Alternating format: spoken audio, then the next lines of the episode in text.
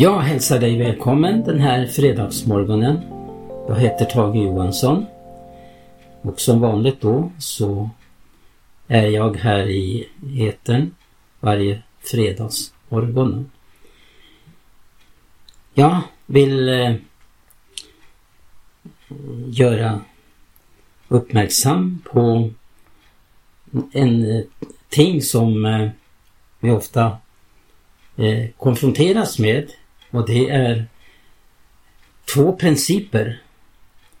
Och jag skulle vilja tala om korsets princip och den princip som råder i den här världen. Och eh, Jesu budskap är ju att eh, ställa människan inför ett val. Att eh, välja en av dessa två principer. Korsets princip och alltså världen. Det är två maktkonstellationer som står emot varandra. Och därför så är budskapet det här att är man världens vän så blir man Guds ovän. Vi ska titta närmare på det här. Dels vad Jesu undervisning om korset handlar om. Att det ingår i hans undervisning. Och eh, vi ska också ta del utav en bok som heter också Korsets princip som är skriven av eh, Pelle Karlsson.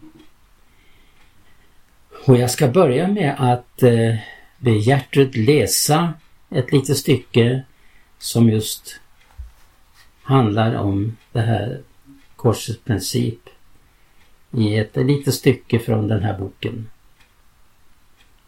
Ja, vi läser där eh, det står så här grundlag. Vi skulle kunna säga att korsets princip fungerar som en grundlag i Guds rike. En grundlag har till uppgift att utgöra en gemensam bas för alla människor i ett land.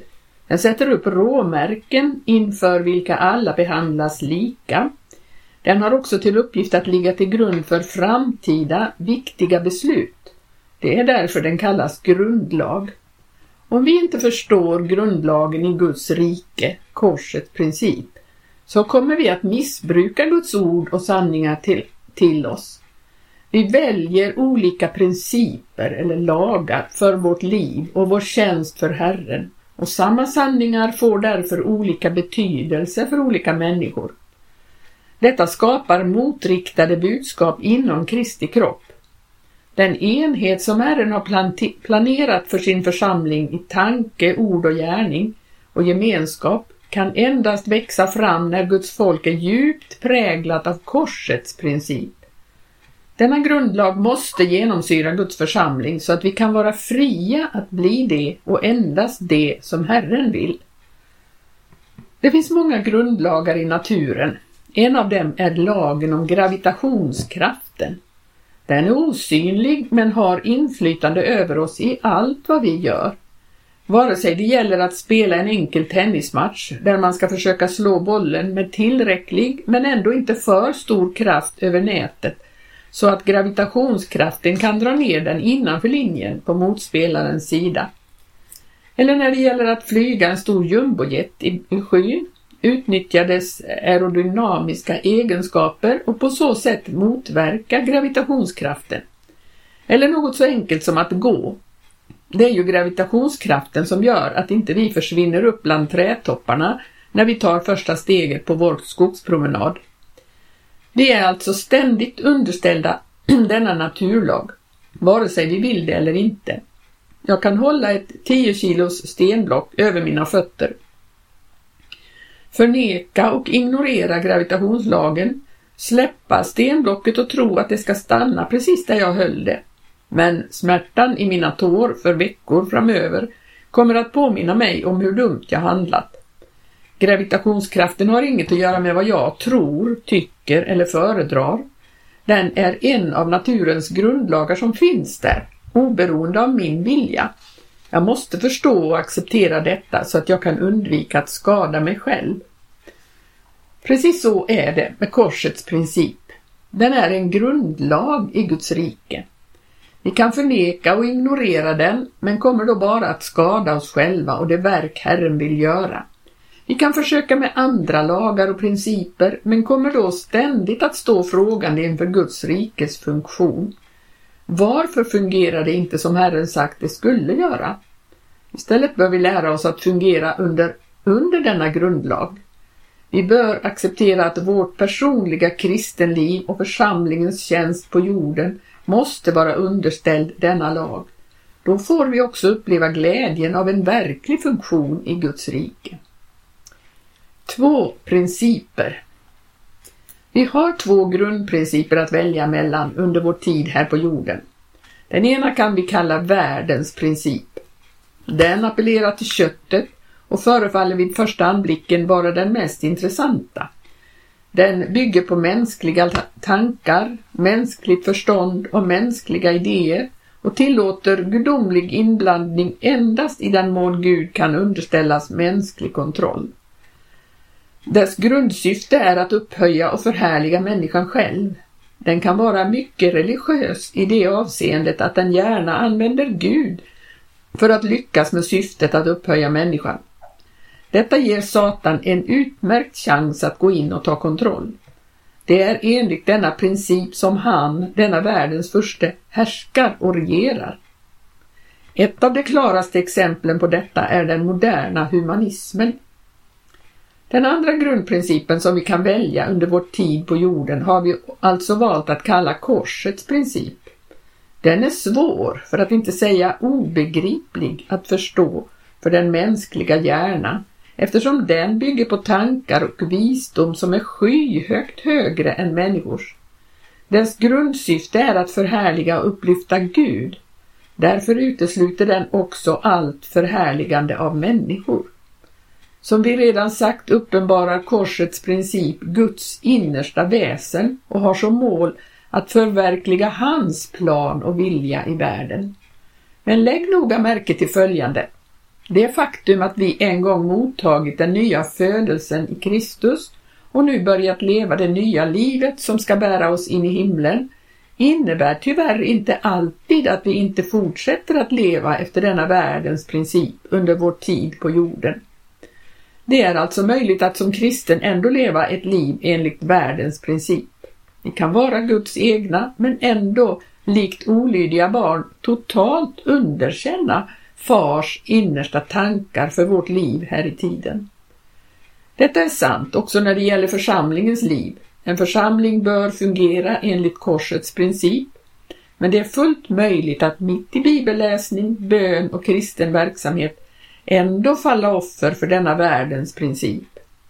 En församling kan mycket lätt bli som vilken förening som helst om den missar korsets princip. Den smälter då in i denna världens system även om den har ett kristet budskap och sysslar med kristna aktiviteter. Dess funktion och andliga inflytande blir då mycket begränsat. Ja, det var från boken Korsets princip som är skriven av eh, Pelle Karlsson. Ska vi titta lite på hur detta budskap om korset förkunnades av Jesus. Hur vi har budskapet om korset till exempel i Galaterbrevet. Och eh, hur vi upplever att eh, vi kan aldrig komma förbi korset i våra liv. Utan det är frågan om som det står om vi älskar korset eller om vi vandrar såsom fiender till korset.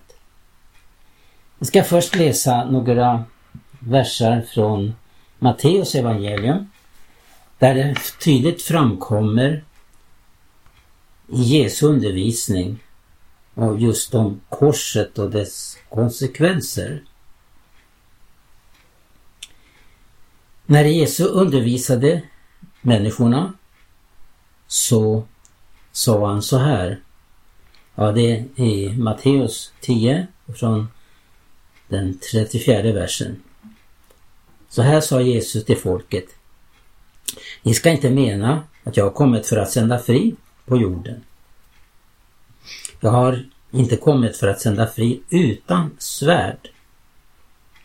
Ja, jag har kommit för att uppväcka söndring så att sonen sätter sig upp mot sin fader och dottern mot sin moder och sonhustru mot sin svärmoder.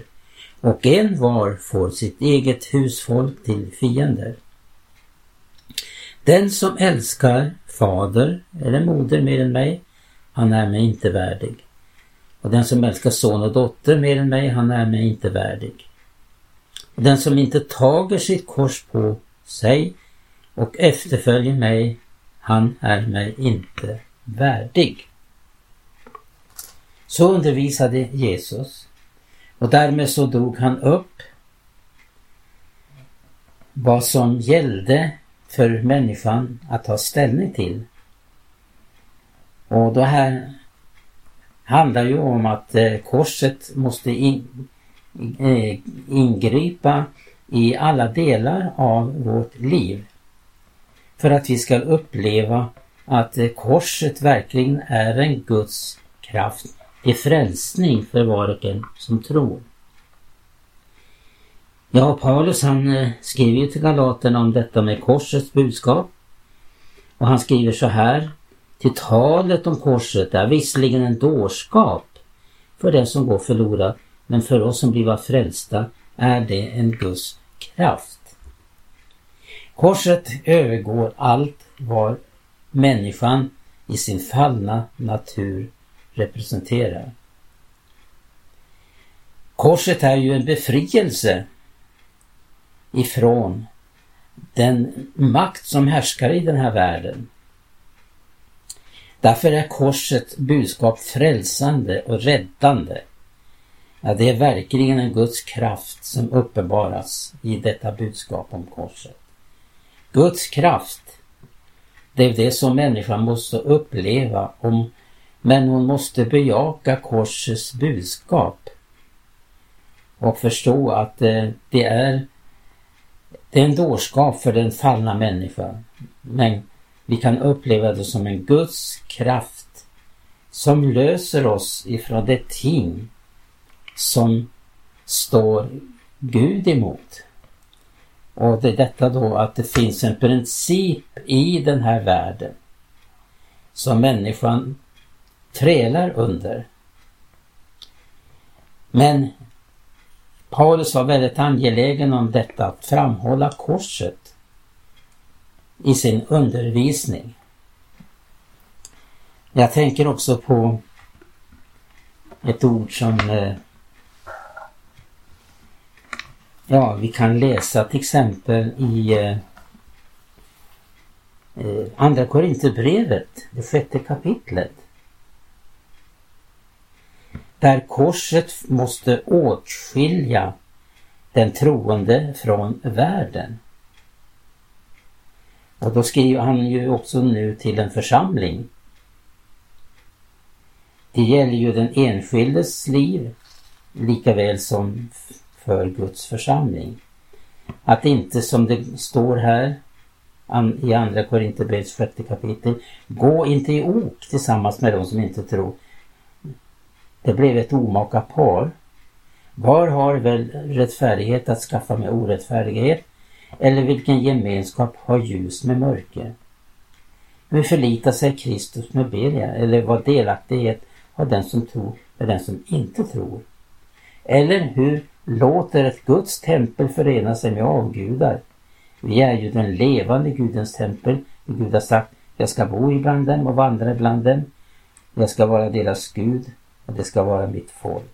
Alltså, gå ut ifrån dem och skiljen är det från dem, säger Herren kom icke vid det som orent är, då ska jag taga emot eder och vara en fader för eder och ni skulle vara mina söner och döttrar, säger Herren den allsmäktige. Då vi nu hava dessa löften, mina älskade, så låt dem oss rena oss allt som befläckar vare sig kött eller ande i det att vi fullbordar vår helgelse i Guds fruktan. Paulus vek aldrig av ifrån eh, korsets budskap. Han prutar inte av på detta. Och det innebär mycket lidande för hans del. Men han gick segrande genom tiden.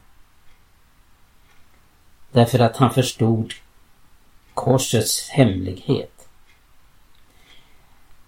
Vi måste ju placera korset i alla ting som berör vårt liv.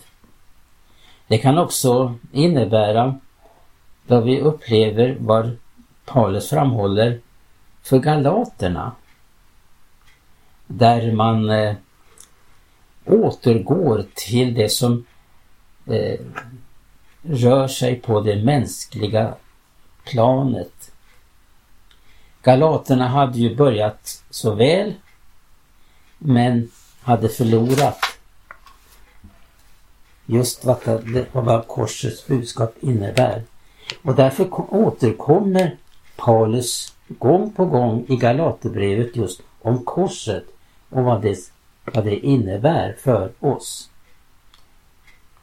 Och den här församlingen då som fanns i Galaten den eh, hade kommit in på ting som inte kunde vara förenat med korsets budskap.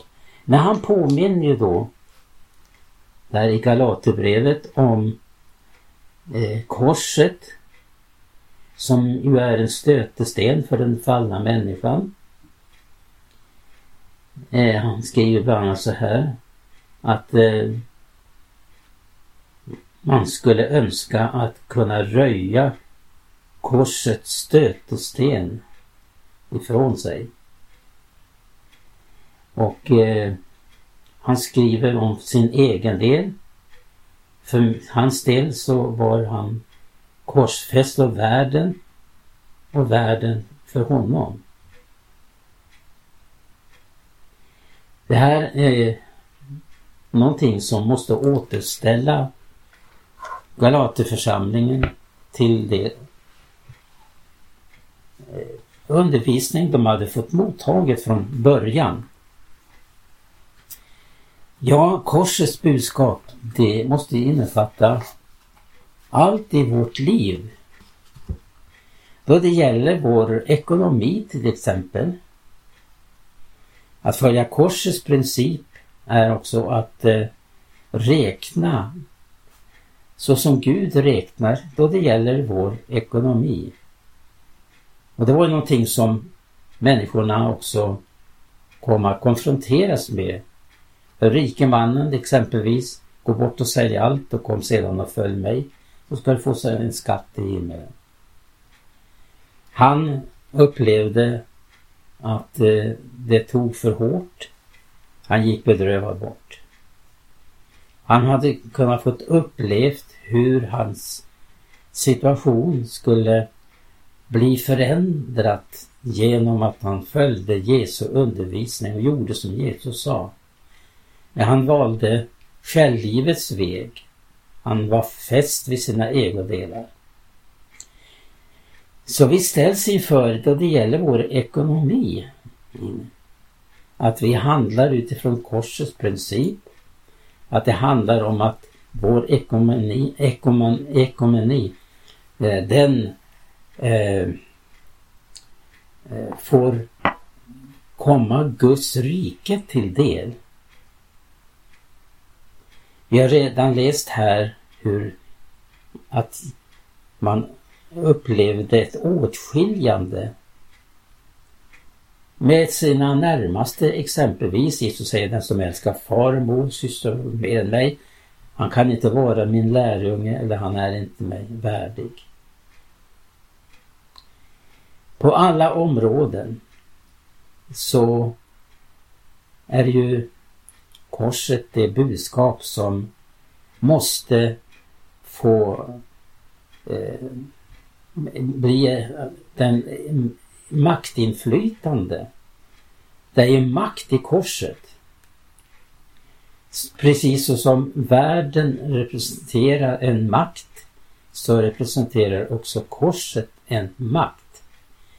Och genom korset makt så övervinner vi den makt som härskar och råder i den här världen.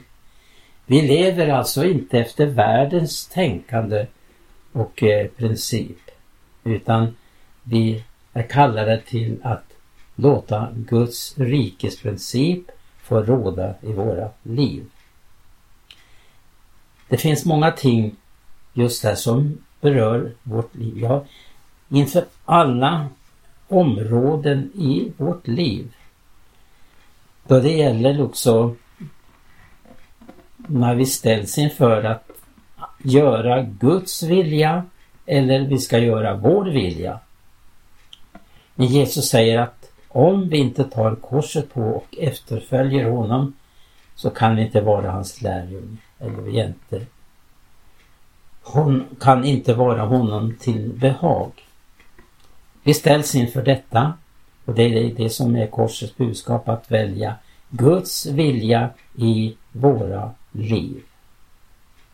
Hur vi använder vår tid.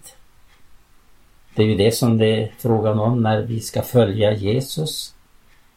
Att eh, vi använder vår tid för Guds rike.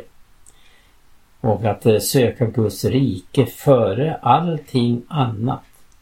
Det är verkligen eh, ett klart korsets budskap i det att vi väljer Guds rike före allting annat.